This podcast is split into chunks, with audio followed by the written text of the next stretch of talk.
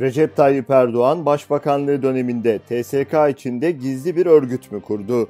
Daha önce de gündeme gelen, iddianamelere giren, meclise kadar taşınan fakat bir şekilde üzeri örtülen o iddia gazeteci Ahmet Dönmez'in yazı dizisiyle yeniden gündemde. Gazeteci Ahmet Dönmez, cemaat içeriden adım adım 15 Temmuz'a nasıl sürüklendi başlıklı yazı dizisinin 3. bölümünde dikkat çeken isimler veriyor. Bu isimlerin birbirleriyle ilişkilerini de mahkeme kararıyla yapılan polis dinlemelerine dayandırıyor. Dönmez, Fethullah Gülen'in bir röportajda bahsettiği iş adamı Mehmet Değerli'yi şöyle anlatıyor.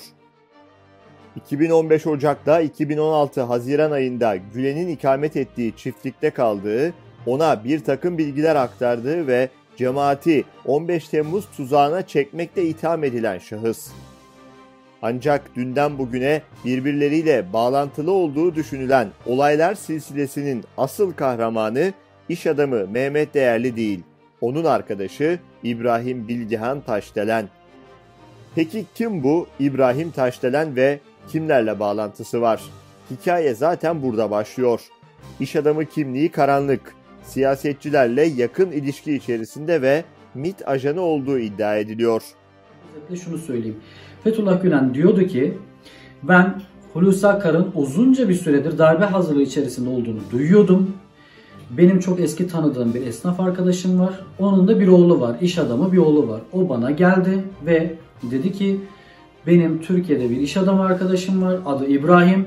Onun Hulusi Akar'la ilişkileri çok iyi. Ona baba diyecek kadar yakınlar. Ve İbrahim bana diyor ki Hulusi Akar bir darbe yapacak. Hulusi Akar bir darbe yapacak diyor. İbrahim Taşdelen'in geçmişinden, ilişkilerinden, network'ünden bahsediyorum, yapıp ettiklerinden bahsediyorum. İbrahim Taşdelen adı ilk olarak 2004 yılında yaklaşık 8 milyon Türk liralık bir akaryakıt kaçakçılığı davasında gündeme gelmişti. Gebze Ağa Ceza Mahkemesi'nde cürüm işlemek amacıyla teşekkül oluşturmak, resmi evrakta sahtecilik ve teşekkül halinde kaçakçılık suçlamalarıyla yargılandı. Fakat burada asıl önemli olan İbrahim Taşdelen'in ilişkiler ağıydı. İktidar Partisi AKP, MHP, bürokrasi ve bazı derin çevrelerle içli dışlıydı. Dönemin Ulaştırma Bakanlığı Müsteşar Yardımcısı ve AKP kurucusu Kemal Albayrak, dönemin Gümrük Müsteşar Yardımcısı Hüseyin Hüsnü Güler ve o sırada MHP Genel Başkanı Devlet Bahçeli'nin baş danışmanı olan emekli Kor General Altay Tokat'la yakın ilişkileri tespit edildi. Dava dosyasına göre bunlarla arasında rüşvet ilişkisi vardı. Dahası polis mahkeme kararıyla İbrahim Taşdelen'in telefonlarını dinlemişti. 2003 sonundan 2004'ün ilk 5 ayı. İşte o dinlemelere takılan ve sonrasında Ergenekon iddianamesinin ek klasörlerine de girecek olan bu tapelerde Taşdelen'in zannedilenin çok ötesinde derin bağlantıları da ortaya çıkacaktı. Kendini MHP'li olarak tanımlıyordu ama bazı AKP'li bakanlarla çok yakındı. AKP dışında diğer siyasi partilerden, askeriyeden ve derin çevrelerden de kontakları vardı. MGK'da konuşulanlardan haberi olduğu gibi TSK içinde yapılacak yeni bir dizayn çalışmasının da göbeğindeydi. Dönemin Başbakanı Recep Tayyip Erdoğan'ın direktifleriyle silahlı kuvvetler içerisinde tasfiyeler yapılması ve yeni paralel bir istihbarat örgütü kurulması organizasyonunda yer alıyordu. Burada da emekli kor general Altay Tokat'la beraber çalışıyordu. Altay Tokat o sırada Devlet Bahçeli'nin baş danışmanıydı. İşte Erdoğan'ın TSK içindeki gizli örgütü bu noktada şekillenmeye başlıyordu. Kilit isim emekli kor general Altay Tokat. Peki İbrahim Taşdelen'le nasıl bir ilişkileri vardı? Bizzat Taşdelen'in telefon kayıtlarından ilerleyelim. 1 Nisan 2004 tarihinde bir MGK toplantısı yapılıyor. İbrahim Bilgihan Taşdelen toplantı sonrası Ulaştırma Bakanı Binali Yıldırım'la bir araya geliyor. Makam arabasında bir yere gidiyorlar. Yıldırım Taşdelen'in yanında telefon görüşmesi yapıyor. Anlaşılan o ki bu ikili oldukça samimi. Çünkü Yıldırım onun yanında rahat rahat konuşuyor.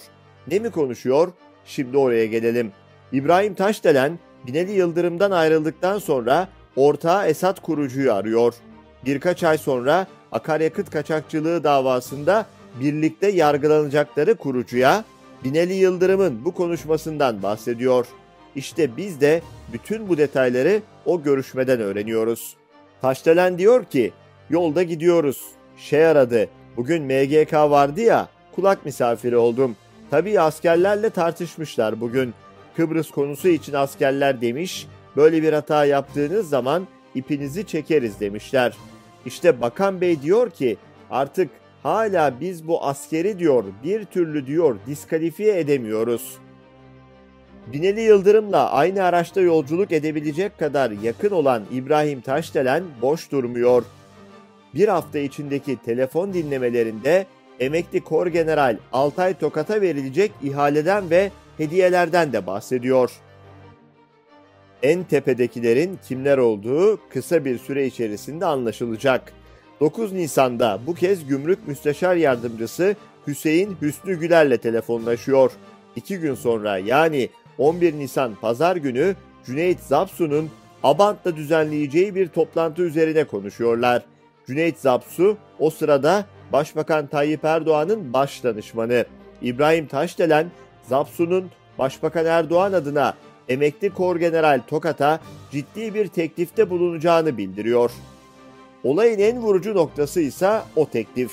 Erdoğan TSK içinde yeni bir yapılanma, bir çeşit gizli istihbarat örgütü kurmak için teklifi Altay Tokat'a yapıyor.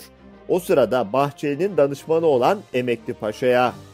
11 Nisan 2004 Büyük Abant Oteli toplantıya Cüneyt Zapsu, kardeşi Abdülaziz Zapsu, İbrahim Taşdelen ve emekli Kor General Altay Tokat katılıyor.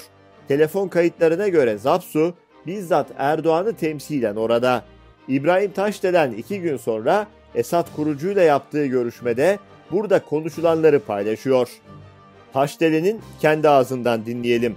Dediler ki, paşam dediler, bir ricamız daha var dediler. Şu anda hükümetle asker çok kötü abi, çok kötü, çok kötü, aşırı. Dediler ki, böyle böyle, sayın işte abimizin bir ricası var. Bir ekip kursun bize. Görevlendirelim her bölgede. Türkiye'nin büyük bölgelerinde askeri olarak istihbarat birimi kursun. Tüm yetkilerle donatalım. Bir de dediler sadece yani bu ülkenin gelişmesi için bu ülkeye zarar veren birimlerle ilgili bir takım işte bilgiler falan toplayalım. Başına da sizi getirelim diye teklifte bulundular. Dediler işte 300 500 falan filan. Şu bu kontrolleri sizin elinizde. Gizli ödenek sizin elinizde. Neyse Paşa'yla yolda geliyoruz. İkimiz beraber. Paşa'nın arabasını kullanıyordum. Baba dedim. Yani bu saatten sonra bizim menfaatimiz, senin siyasi geleceğin söz konusu dedim. Biz dedim parti olarak bir daha başa gelemeyiz. Öyle şansımız yok. Bunu da dedim göz önüne al. O toplantıdan sonra Altay Tokat kolları sıvıyor yani TSK içinden ama illegal, gayri nizami bir istihbarat örgütü kurmak üzere çalışmalara başlıyor. Altay Tokat dinlenemeyen, şifresi kırılamayan 5 ayrı telefon ve 5 ayrı hat istiyor. Bu isteği kabul ediliyor. Bunu da İbrahim Taşdelen'in 14 Nisan'daki telefon konuşmasından öğreniyoruz. Ahmet Dönmez'e göre daha sonra ne oluyor? Muamma muhtemelen 2 ay sonra akaryakıt kaçakçılığı operasyonunun olması ve resmi telefon dinlemelerinin mahkemeye yansıması üzerine bu operasyon rafa kalkıyor. Dönemin iktidarı ve emekli kor general Altay Tokat arasındaki görüşmeler bu tarihten sonra da devam ediyor. Nisan 2004'teki en kritik toplantı Ankara'da gerçekleşiyor. Bu toplantının tarafları bizzat Tayyip Erdoğan, Abdullah Gül ve Altay Tokat. Böylece en tepedekiler kimmiş onu da görmüş oluyoruz diyor gazeteci Ahmet Dönmez. Burada kendisine en yetkili ağızdan teklif yapılıyor. Askerle hükümet arasında köprü olması da isteniyor. 27 Nisan 2004 tarihinde üçüncü bir toplantı organize ediliyor. Bu kez Tokat'ın kendi ofisinde dönemin Başbakanlık Müsteşarı Ömer Dinçer'le bir araya geliyorlar. İbrahim Taşdelen aynı gün akşama doğru yaptığı telefon görüşmesinde bu toplantının içeriğinden bahsediyor. Erdoğan ve Abdullah Gül'le yapılan görüşmenin devamı niteliğinde olduğunu söylüyor ve ya bir bilsen çok güzel şeyler var da yaşaman lazım. İnanılmaz şeyler var ifadelerini kullanıyor. Nedir bu kadar güzel olan? Taşdelen şunları söylüyor. Abi ne yapsın baba? Var ya tapıyorlar. Var ya tapıyorlar resmen. Kur'an çarpsın. Hükümetle asker arasında köprüye şimdi. Şimdi bu Tayyip Bey'le de bazı şeyleri var. Bir görüşmeleri oldu Abdullah Bey'le. Ömer Bey geldi bugün babanın yanına. Ömer Dinçer. Gazeteci Ahmet Dönmez'in 19 Şubat 2021 tarihli yazısıyla gündeme getirdiği isimler ve derin bağlantıları aslında ilk kez gündeme gelmiyordu. Erdoğan'ın illegal devletini Türkiye ilk kez 2003 yılında sabah yazarı Yavuz Donat'ın yazısıyla duymuştu. 28 Ocak 2013 tarihinde İşçi Partisi Genel Başkan Vekili Hasan Basri Özbey İstanbul'da düzenlediği basın toplantısında Tayyip Erdoğan ve Abdullah Gül'ün Türk Silahlı Kuvvetleri içinde yürüttükleri gizli örgüt çalışmasını açıklamıştı.